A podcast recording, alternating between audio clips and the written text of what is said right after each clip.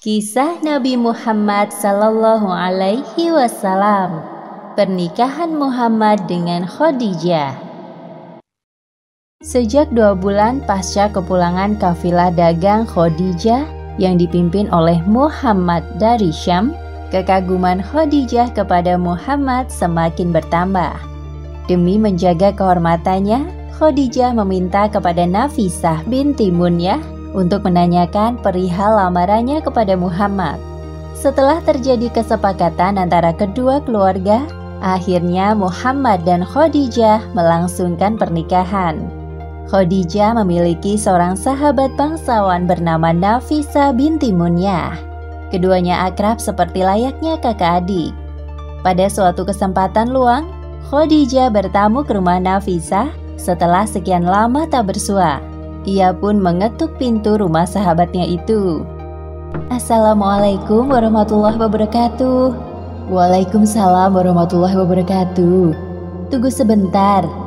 Oh, Khadijah, mari masuk ke dalam. Terima kasih. Maaf, aku baru bisa mengunjungimu sekarang. Tidak perlu merasa bersalah begitu. Aku tahu engkau sibuk mengurus bisnis. Engkau baik-baik saja, bukan? Bagaimana kabar anak-anakmu? Alhamdulillah, aku baik. Anak-anak juga dalam keadaan sehat. Bagaimana kabarmu, wahai Nafisah? Aku baik tentu saja. Alhamdulillah. Hmm, wajahmu tampak ceria. Apakah ada hal baik yang belum aku ketahui, wahai Khadijah? Iya, seperti yang kau lihat, Nafisah. Aku ini memang tidak bisa menyembunyikan rahasia darimu. Nafisah mencoba merayu Khadijah. Beberapa waktu lalu, Nafisah mendengar kabar bahwa sahabatnya itu telah menolak beberapa lamaran dari beberapa pembesar Mekah. Hmm, sebentar. Biarkan aku menebak apa yang membuatmu mengunjungiku di tengah kesibukanmu berbisnis. Hmm, jangan bilang ini tentang calon pendampingmu. iya, lagi-lagi tebakanmu benar, Nafisah. Tapi, apakah engkau tahu apa alasanku menolak para pelamar itu? Karena harta yang kau miliki? Iya, itu salah satunya.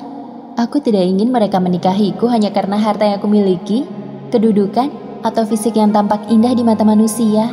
Sudah lama aku memantaskan diri untuk mendapatkan seorang pendamping yang berakhlak mulia dan dapat membimbingku ke arah yang lebih baik. Bagiku, harta kedudukan itu tidak penting. Nafisah tahu benar bahwa hanya ada satu laki-laki di Mekah yang memiliki kriteria calon suami Khadijah. Lelaki itu adalah Muhammad yang terkenal dengan gelar Al-Amin. Hmm, aku tahu siapa laki-laki yang engkau maksud. Baiklah, demi sahabatku tersayang, aku akan berbicara kepadanya. Hah? Memangnya siapa? Aku belum menyebutkan namanya. Dia Muhammad, pemuda bergelar Al-Amin. Apakah aku salah? Uh, iya, engkau tidak pernah salah dalam hal menebak. Terima kasih banyak wahai Nafisa, sahabatku. Khadijah tidak heran dengan kecerdasan yang dimiliki Nafisa. Selain cerdik, Nafisa juga dapat dipercaya. Hal itulah yang mendasari Khadijah meminta bantuan kepadanya. Selepas Khadijah berpamitan, Nafisa merasa sangat bahagia. Ia tak sabar untuk melancarkan aksinya. Hanya satu harapannya, agar sahabatnya dapat berjodoh dengan Muhammad. Ya Allah, mudahkanlah urusan Khadijah dan Muhammad apabila mereka benar-benar berjodoh. Keesokan harinya, Nafisah pergi ke sekitaran Ka'bah untuk menemui Muhammad. Ia menunggu sampai Muhammad selesai beribadah. Assalamualaikum. Apakah aku bisa berbicara sebentar denganmu, wahai Muhammad? Ada hal penting yang ingin aku tanyakan.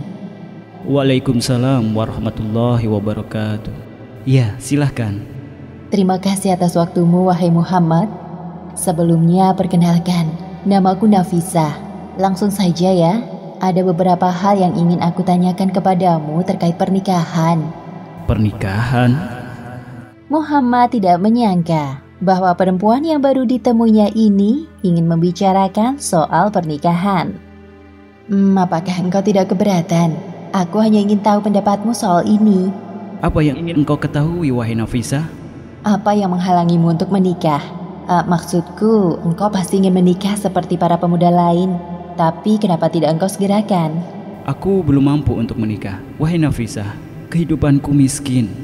Jika biaya keperluan pernikahan sudah ditanggung dan pasanganmu adalah seorang wanita cantik, kaya, mulia, yang sepertinya cocok denganmu, maukah engkau menikahinya, wahai Muhammad? Siapa wanita yang engkau maksud itu? Khadijah binti Khuwailid, sahabatku. Sayyidah Khadijah? Mana mungkin beliau mau menikah denganku? Itu bukan kemungkinan, namun sebuah permintaan. Apakah ini semacam lamaran? Benar sekali. Aku beri waktu engkau untuk berdiskusi dengan pamanmu. Sampai jumpa. Muhammad belum beranjak dari posisi duduknya sejak Nafisah pergi. Beliau masih terkejut dengan lamaran Khadijah yang tiba-tiba. Sebaiknya aku pulang dan membicarakan hal ini dengan paman. Langsung saja Muhammad menceritakan tentang lamaran Khadijah kepada Abu Talib. Aku sangat senang jika engkau mengiyakan wahai Muhammad. Lagi pula engkau sudah cukup dewasa untuk menikah. Hmm, sebentar lagi aku akan ditinggalkan keponakan tersayangku. Jangan berkata begitu, wahai paman. Aku akan sering mengunjungimu dan para sepupu pasti rindu berpisah dengan kalian. Aku justru merasa bahagia, Nak.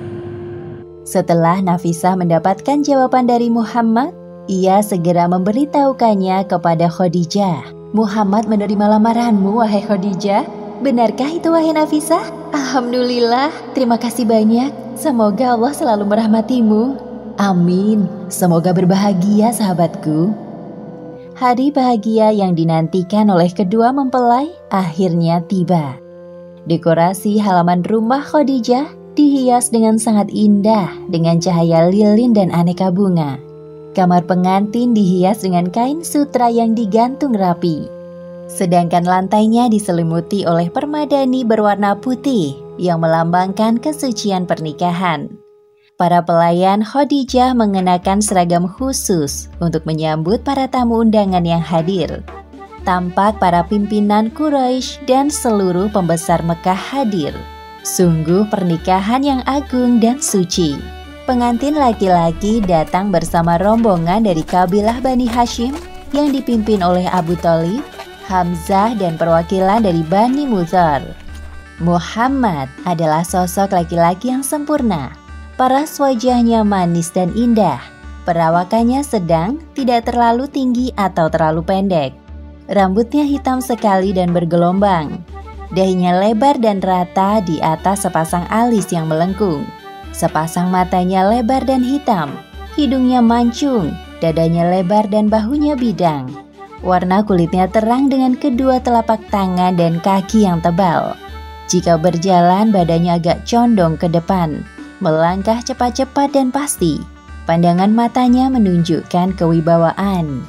Sedangkan pengantin wanita tampak anggun dan cantik dengan balutan gaun pengantin yang elegan. Seolah-olah hanya Khadijah yang pantas mengenakannya. Pernikahan Muhammad dan Khadijah berlangsung dengan sakral. Dalam pernikahan itu, Abu Talib selaku wakil dari pihak pengantin laki-laki menyampaikan sambutannya. Segala puji bagi Allah yang telah menjadikan kita sebagai keturunan Ibrahim, Ismail, Ma'id dan Mudar. Sesungguhnya anak saudaraku, Muhammad bin Abdullah adalah seorang laki-laki yang tiada bandingannya dalam kehormatan, keutamaan, kecerdikan, dan kecerdasan. Meski ia tidak banyak harta, sesungguhnya harta adalah kenikmatan yang akan sirna dan sesuatu yang berubah. Muhammad yang telah kamu ketahui keluarganya telah meminang Khadijah binti Khuwailid dan memberikan mas kawin, baik yang ditunda maupun yang ada sekarang. Demi Allah, hal ini merupakan berita yang besar dan kehormatan yang tinggi. Kemudian sambutan diteruskan oleh Warokoh bin Naufal selaku wakil dari pihak pengantin wanita. Segala puji bagi Allah yang telah menjadikan kami sebagaimana telah disebutkan. Memberi kami keutamaan sebagaimana telah dikatakan kami pemuka serta penguasa bangsa Arab dan begitu pula kalian. Tidak ada kabilah yang mengingkari keutamaan kalian. Kami ingin menjalin tali ikatan dengan kalian. Saksikanlah wahai orang-orang Quraisy bahwa saya telah menikahkan Khadijah binti Khalid dengan Muhammad bin Abdullah. Mahar yang dikeluarkan dari pihak mempelai laki-laki untuk diberikan kepada pihak mempelai wanita adalah sebanyak 12 ekor unta muda. Penduduk Mekah tidak memandang pernikahan Muhammad, seorang lelaki miskin, dengan Khadijah, wanita berkedudukan tinggi penuh harta, berdasarkan status sosial mereka. Melainkan mereka beranggapan bahwa keduanya adalah pasangan ideal yang mengharumkan nama suku Quraisy. Bahkan mereka sangat menantikan lahirnya keturunan yang baik dari rahim Khadijah. Khadijah diharapkan menjadi seorang istri yang selalu mendukung suaminya dengan penuh kasih sayang dan harta yang dimiliki. Sebaliknya, Muhammad sebagai seorang suami akan membimbing istrinya dengan bijak menuju keluarga yang sakinah dan mawadah. Hal itulah yang diharapkan dari keluarga besar dari kedua belah pihak. Demikianlah kisah pernikahan Muhammad dan Khadijah. Hikmah yang dapat kita ambil dari kisah ini adalah jangan khawatir perihal jodoh, karena Allah Subhanahu wa Ta'ala telah menciptakan laki-laki dan perempuan secara berpasang-pasangan dan menjamin keberadaannya sesuai cerminan diri kita. Jadi, tugas kita sebagai manusia adalah terus memantaskan diri menjadi hamba yang bertakwa. Wallahu alam bisawab.